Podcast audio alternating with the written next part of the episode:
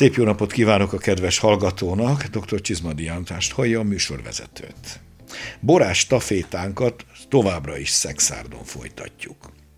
Ha azt mondom rozé király, minden borban járatos honfitársunknak beugrik egy bizonyos név, és ez nem más, mint Dúzsi Tamás akinek borbeli munkássága szinte kezdetektől összeforrott az akkoriban még kuriózumnak számító rozéborokkal. 1996-ot írtunk akkor, az első rozé még szinte a véletlen műve volt, de nem így a többi. De erről majd bővebben ő maga. Az előzmények között volt egy kis szexárdi állami gazdaság, aztán Aliszkavin, de 94-től már a saját maga útját járja, azzal a bizonyos 3,3 hektáros kékfrankos ültetvényel, ami kezdetben vala. És amiből a rozé királyság felnőtt. Közben annyit biciklizett, hogy mind a hektárok száma, mind az utódok száma egyre csak növekedett, és így valódi dinasztia alapítónak is tekinthetjük. A méltó és szakszerű utódlásról idejében is jól gondoskodott. Ha a borkostolót tart, gyakran irodalmi szenvedélye is felszére kerül. 2014-ben a Magyar Bor Akadémián az évborászává választottuk. A rozé királyságából mára, mondhatjuk, császárság lett. Körülbelül 8-10 különböző rozét is készítenek már, különböző fajtákból, néha extrém feldolgozásokkal is. Tartsanak velünk, szabadítsuk ki a szellemet ezúttal a szexárdi palackokból.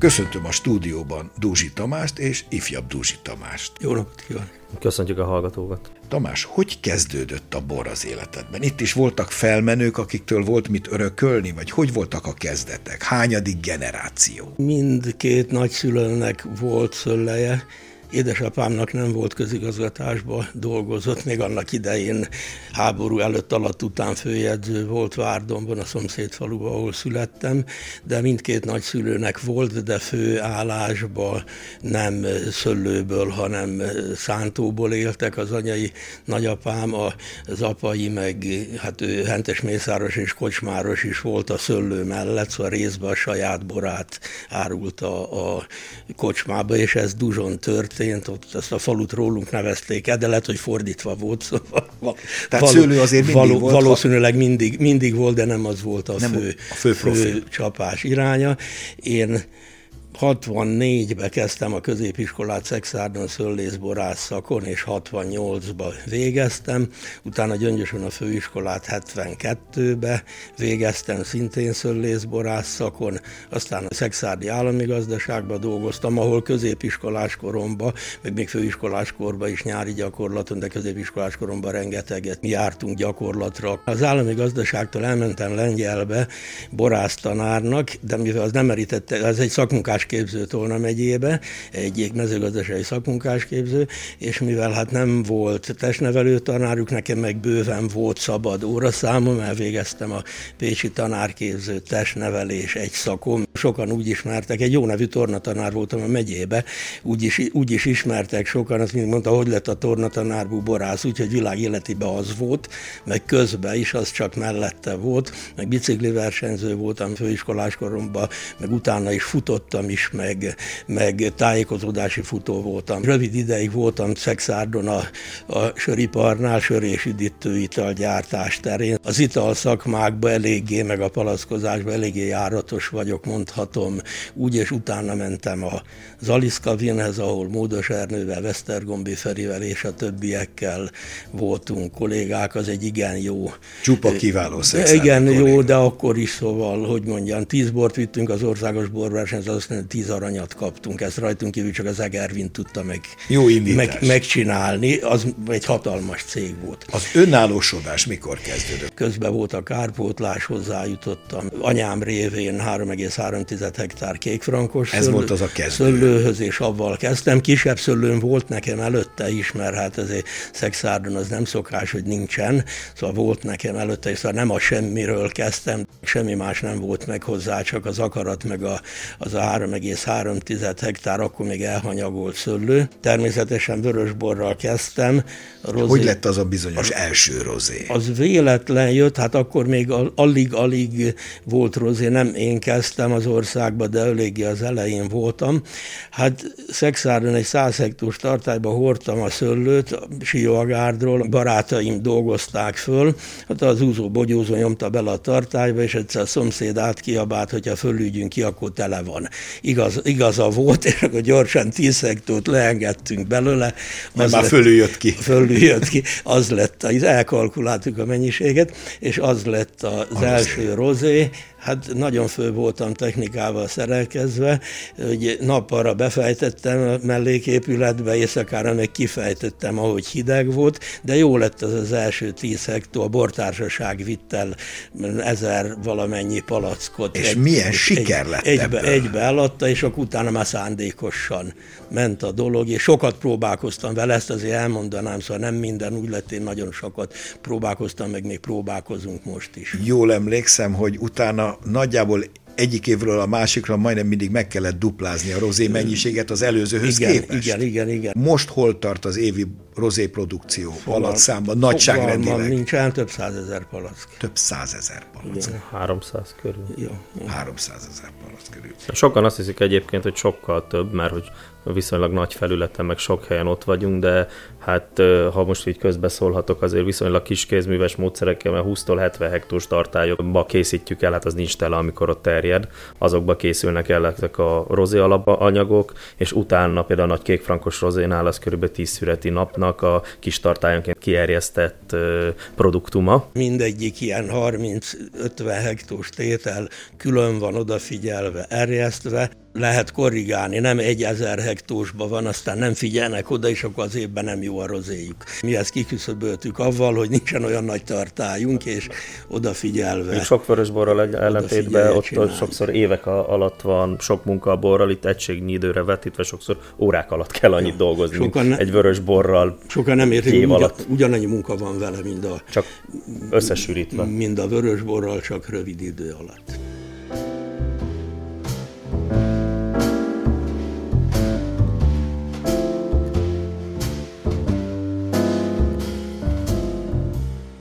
Következőkben Mikó István színművész, aki mellesleg a Dúzsi család jó barátja és a Dúzsi borok igen alapos kedvelője, mesél Dúzsi családról és a Dúzsi borokról.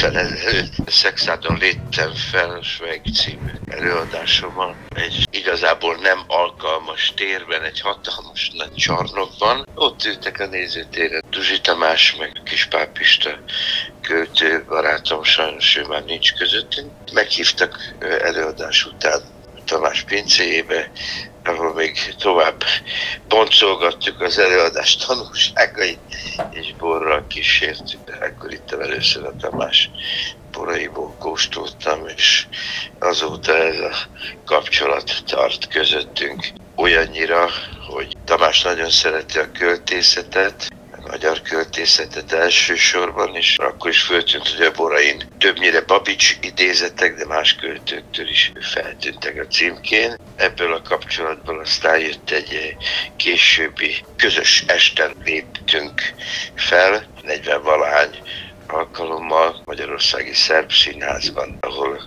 Tamás verseket mond, én muzsikálok, beszélgetek, és Rusz Milán barátunk, a Magyarországi Szerb Színház igazgatója és művésze, a harmonikát nagyon szeretjük, és mindig várjuk ilyenkor a közönséggel való találkozást. Természetesen porkostolással van egybekötve az egész. Tehát mondhatni, hogy ez a közös együttlét, öröm, amit megosztanak a nézőkkel is, ez a bornak köszönhető? Bornak meg az embernek. Annak a munkának, amit Tamás belefektet ebbe nagy energiával, ez tiszteletet ébreszt, ő pedig tiszteleg a mi műfajunk, az előadó művészet felé, és akkor így a közösséggel a közös örömeinket megosztjuk ilyenek ezek az esték.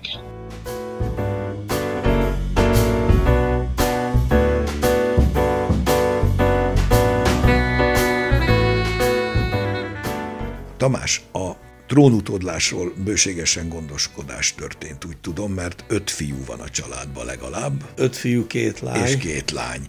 Ezek közül a rangidős Tomi, aki itt ül mellettünk, mindannyian ott dolgoznak? Nem, most első házasságomban van egy lányom és fiam, ők nincsenek benne, hanem a másodikból az öt gyerek van benne, ahol a Tomi az idősebbik, az évi művészettörténész Budapesten, Bence, aki teljes melszélessége, ő csinálja a szőlőt, a bort, ő dolgozik már gyakorlatilag közvetlenül legtöbbet benne, és akkor van a Vince, ő gépész, meg a Lőrinc még főiskolás, de mind a ketten rendszeresen besegítenek. Az egész fiú csapat igen, benne igen, dolgozik. Igen, igen. Tomi, mikor volt az indítatás? Vagy eleve nem is volt más út? mint a bor. Hát ez a, ez a körülbelül ez a bármit tanulhatunk, ha a szölészet vagy borászat, de gyerekkorunk óta ebben nőttünk fel. Harmadikos középiskolás volt, amikor elvittem Düsseldorfba a kiállításra, és ott teljesen megtért. Tehát volt egy ilyen utolsó lökés. Akkor még Szexárd kiállított Düsseldorfba, 2003-ba, Szexárdi borvidék még ott volt Düsseldorfba, illetve utána a Vinitalin 2005-ben pont, amikor az előző pápánk elment. De ebben nőttünk föl, lett nyaranta, hogy igazából nekünk minden iskola után az volt, hogy megállt a teherautó az utcán, és akkor még ilyen kvázi garázsborászatként szépen kihúztuk a raklapon a borokat, egy raklapot földobtunk a platóra, és fölpakoltuk a borokat, megmentünk borfesztiválokra, amikor még a Vörösmarty téren volt a Budapest Borfesztivál, akkor mi ott voltunk, segítkeztünk. 90-es évek. 90-es évek. Geisenheim volt azt hiszem az egyik legfontosabb tanintézmény. Nem bánom az itthon se itt a kertészetén. Az az alap, illetve ad, ad egyébként a tudás mellett még egy olyan pluszt, hogy például akik csak külföldön végeztek, azoknak nincs meg az a kapcsolati hálójuk, mint nekem itthon. Würzburgban is voltam egy gyakorlaton, ott a Karsten Weyan volt a főnököm, úgy sokat adott hozzá. Ő egyébként utána Bischöfliche Kellerájnak lett a vezérigazgatója a Moselba, ő egy Flying Winemaker volt, a Binderernek a Flying Winemaker, ő is adott egy újabb motivációt. Hát Geiseinben mindenhez hozzáfértünk, ott még volt, hogy mellette még a suli mellett a molekuláris biológia laborba is bedolgoztam, illetve a világboraival hozott kapcsolatban több olyan óránk is volt, olyan képzéseken is részt vettem, meg miután én cserediákként voltam kint, így át tudtam hallgatni a borkereskedő képzésre is. Montpellier a következő iskola. Ott a világból mindenhonnét voltak professzoraink, meg azért még mindig azért a franciák, hogy valamilyen szinten élen járnak, bár Ausztrália meg az új világ az egy... Nagyon nyomul. Nagyon nyomul, és lassan már több tudományos cikket írnak, mint ők. Tomi, milyen új ötleteket sikerült felszedni? Például, hogy kitaláltuk, hogy hogy lehetne ábrázolni azt, hogy a rozé az is lehet egy terroár termék, és Montpellierből Skype-on keresztül egyeztettem le az itthoni grafikussal ezt a rozé válogatás dobozt, a térkép legyen rajta, legyenek megjelölve, akkor nagyon jó viszonyom alakult ki a Provanci Rozé Kutatóintézettel is. Hogyan alakul a szakmai munka, vagy a szakmai összhang apa és fia között? Mi a munka megosztás? Mennyire adta át, vagy milyen részét adta át a stafétának. Nem sok mindenben vannak átfedések, hogy éppen azt végzi el, aki ott van, és éppen van ideje. Bence öcsém is, hát ő szőlőbe borba, most már 2017 óta nagyrészt ő az, aki így levezeti a szüretet, ő is tanult Geisenheimbe, onnét hazahozta, inkább a biodinamikus feletolja az irányt. A gazdálkodás milyen művelési módban folyik? 17 óta teljesen bióban művelünk, gyakorlatilag abban meg előtte is, hát apa is úgy volt vele, hogy nem akar olyan szereket stb. használni, hogy mi is bemehetünk a szőlőbe, vagy a kollégák, ha bemennek, hogy így az emberi egészségre valami is ártalmas legyen. Mindig ilyen bioszerűen, meg nagy lombfelülettel, akkor még volt, hogy le is néztek minket, hogy hát nincs úgy kipucolva a szőlő, meg volt az a vegetáció, meg volt az a talajtakarás, stb. Annó még inkább az volt a divat sok helyen, hogy minden itt teljesen legyen kiglancolva. Mi nem biztos, hogy az a legjobb meg. Nem, igen, ez volt a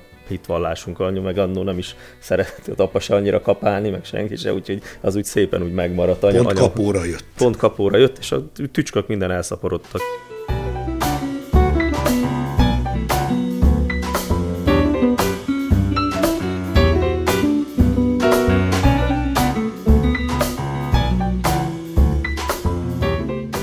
Dr. Burai Kovács János kiváló ügyvéd, a dúzsiborok nagy rajongója. Ekként vélekedik a dúzsiborokról.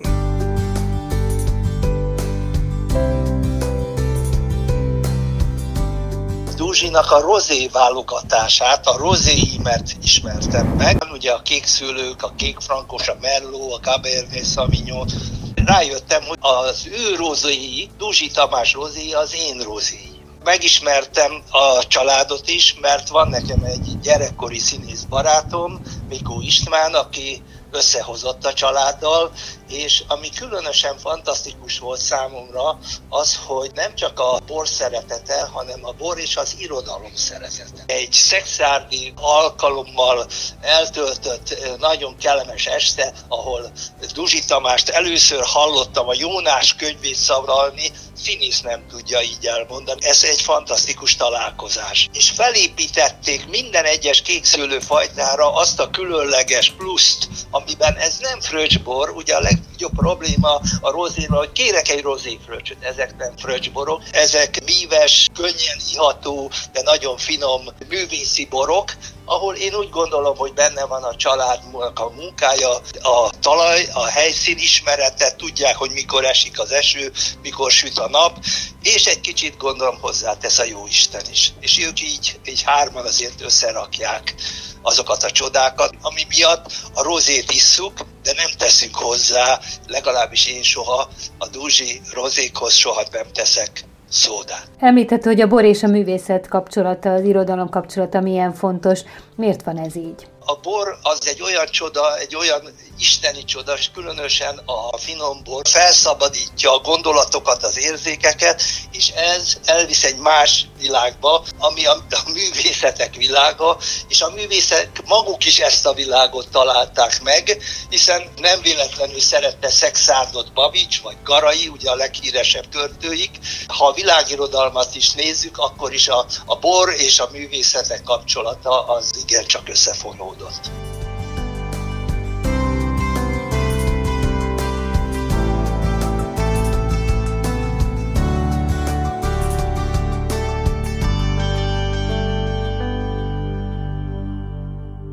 Dúzsi Bence, a Dúzsi család másodszülött fia, beszél a saját terveiről, saját tanulmányairól és saját helyéről a családi hierarchiában.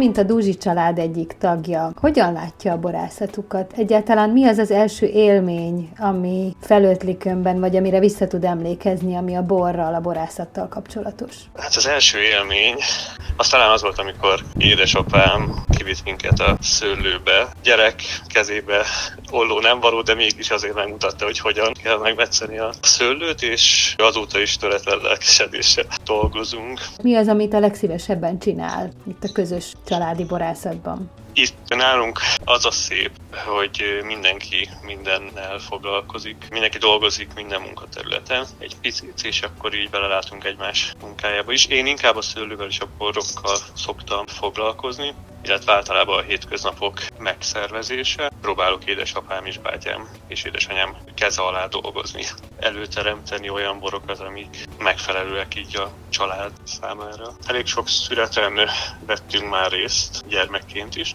de ugye az első komolyabb élmény, amihez közön volt, az egy 2017-es rozé elkészítése volt, amiben már a teljes szürettől elkezdve, illetve a szüret szervezésétől az egész folyamat erjesztés, érlelés, palackodás folyamatában részt tudtam venni, és tényleg úgy alakítottam ki, alakítottam azt a bort, ahogy nekem szimpatikus, és a családnak is. Tehát talán 2017-ben volt az első ilyen élmény. Meséljen erről a borról. Mindig ott motoszkál a fejemben a gondolat, hogy lehetne másképp is. Érdemes lenne kipróbálni új irányokat, új dolgokat. Ez a rozé, ez picit talán formabontó volt, olyan tekintetben, hogy a terület az egy viszonylag magasan található Cabernet Franc ültetvény volt, és elég sokáig kint hagytuk a szőlőt. Olyan tökéletes volt az időjárás, hogy megjelent a botritis is, és egyben leszületeltük ezt a szőlőt az egészséges bogyókkal, a botritises bogyókat, és így gyakorlatilag egy szamorodni technológiával elkészítettünk egy rozét, melyet én spontán erjesztettem ki. Utána fahordóba tettünk, méghozzá kettő magyar tölgy fahordót használtunk. Egy fél évet töltött ez a rozé hordóban, utána palacban, ahol szintén két évet piac. Tehát ez volt az első ilyen érdekes próbálkozásom. Elég megosztó a bor szerencsére, én, én szeretem, hogyha valami ennyire megosztó. Nekem tetszik. Ízre milyen lett? Mit tett hozzá a fahordó, az érlelés a rozéhoz, meg hát a botritis? Nagyon izgalmassá tette. Egy nehezebb, súlyosabb bor lett? Ez súlyosabb, vastagabb bor, tehát az extra tartalmát is nézzük a bornak. Ez már vörösborokkal vetekszik. Ez egy nagyon vastag, komoly, szüksége van a dekantálásra is, mielőtt fogyasztanánk. Egy jó kísérlet volt. Még a mai napig hajt minket ez a kísérletezési vágy, és mindig próbálunk valami újítást, valami, valami új dolgot kipróbálni minden egyes évjáratban, akár meccés módok tekintetében, akár új szőlőfajtákat, nagyon sokféle szőlőfajtát kipróbáltunk már az elmúlt években, melyek azok, amik ennek a megváltozó klímának ellenállnak, és jó minőségű bort tudnak adni. Vannak sikeres, vannak kevésbé sikeres próbálkozások, de, de én úgy érzem, hogy egy jó irányban haladunk. Törekszünk a családon belül a kompromisszumokra, mert más és más fajtákat szeretünk, más fajtákba látjuk a jövőt, de, de annyit kóstolunk együtt, és tényleg annyit dolgozunk együtt, hogy sikerül már kialakítani egy egészen jó irányt, melyben haladunk. Most már kezd letisztulni egy, egy olyan világkép, amelyet próbálunk megfogalmazni a boraikon keresztül.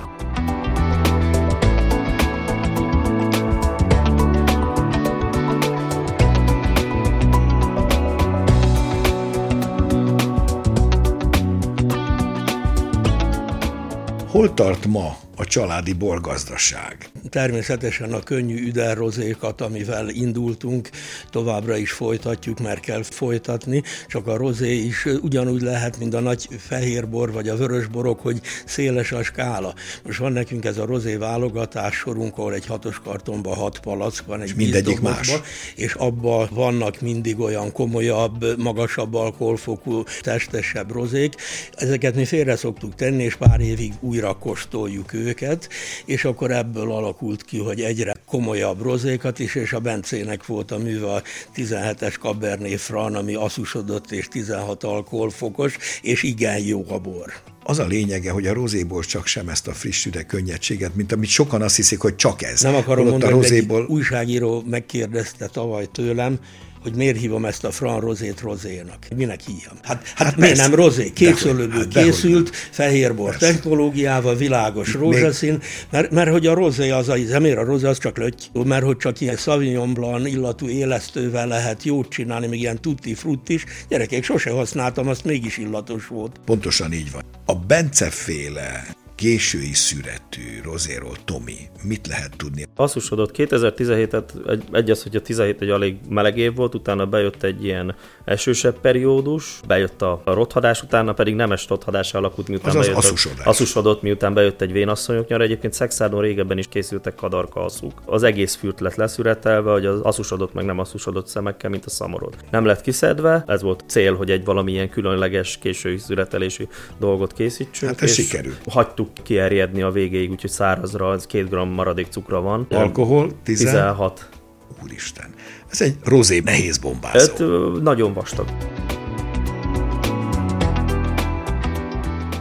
Tamás, mi a helyzet az irodalommal? A kedves hallgató kedvéért csak elmondom, hogy van-e a borászok, de akár a színészek között is olyan, aki betéve tudja a Jónás könyvét, mármint a Babics félére gondolok, már vagy egy évtizede zajlanak időről időre a különleges estek. Egy ideillő Jónás idézetet hallanánk? Több mint 20 éve már a hátcímkéimen egy-egy idézetet jelenítek meg. Ez az ötlet, minden jó ötlet biciklizés közben szokott eszembe jutni arra Bátaszék és Decsi egy között visszafele, és nagyon sokat Babistól, vagy Szexárnak annyi jó költője van, Kis Pálpista, aki sajnos tavaly elhagyott minket, Garaitól idézek többnyire. A Mikóék jártak hozzám a színész kollégáival, és ott szoktam mondani nekik idézetet, és egyszer egy másik kollégája, Rusz Milán megjegyezte, hogy nem tudod az egészet. Hát nem. Aztán megtanulott, csinálunk egy műsort. Fél év múlva jelentkeztem, hogy megvan a műsor, ez 20 évvel ezelőtt volt. Hát egy fél év alatt megtanultam, úgy esténként egy háromnegyed órát olvasgattam. Azóta hány adás lett? Megtanultam, 45 adás volt eddig. Hát borászok közül nem tudom, hogy tudja valaki, de egyébként néhány embert ismerek Szexárdon is, meg máshol is, akik tudják, sőt szépen is, csak nem mernek megszólalni.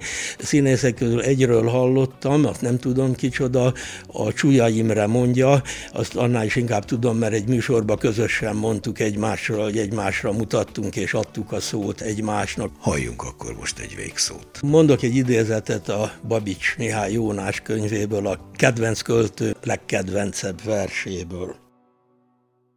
Hald az egek urának istenének kemény szózatját, nagy Ninive, térj meg, vagy kénkövekkel ég fel ez a város, s föld alá süllyed, negyven napra mához. Így szólott Jónás, s szeme vérbe forgott.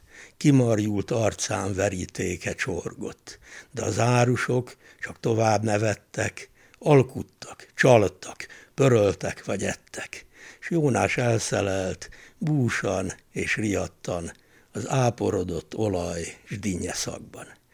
Másod estére, másik térre ére, a színészek és mímesek terére, kik a homokon illegve kígyóztak, s szemérem nélkül a nép előtt csókolóztak.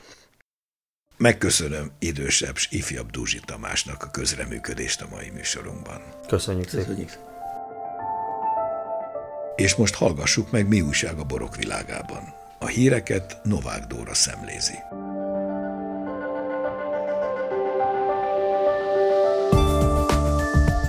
Évente mintegy 200 ezer hektoliter pesgőt állítanak elő Magyarországon.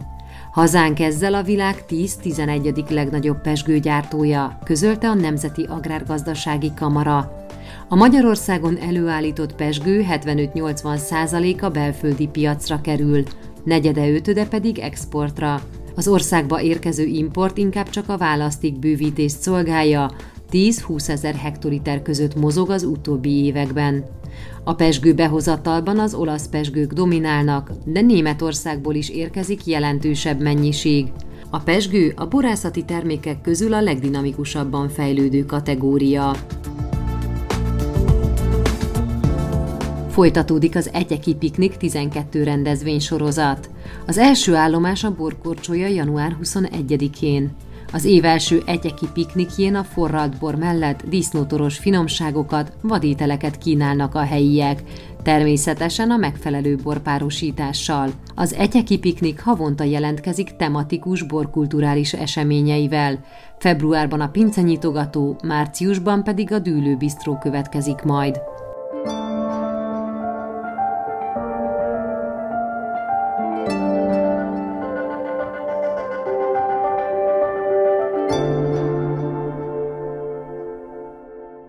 Mai műsorunk véget ért. A hangmester Bolgár Jonatán nevében is megköszönöm figyelmüket.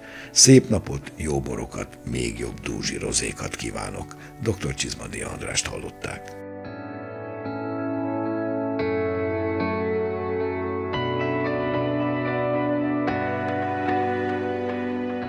Az elhangzott műsort a Duna Média Szolgáltató Nonprofit ZRT megrendelésére készítette az NTVA 2023-ban.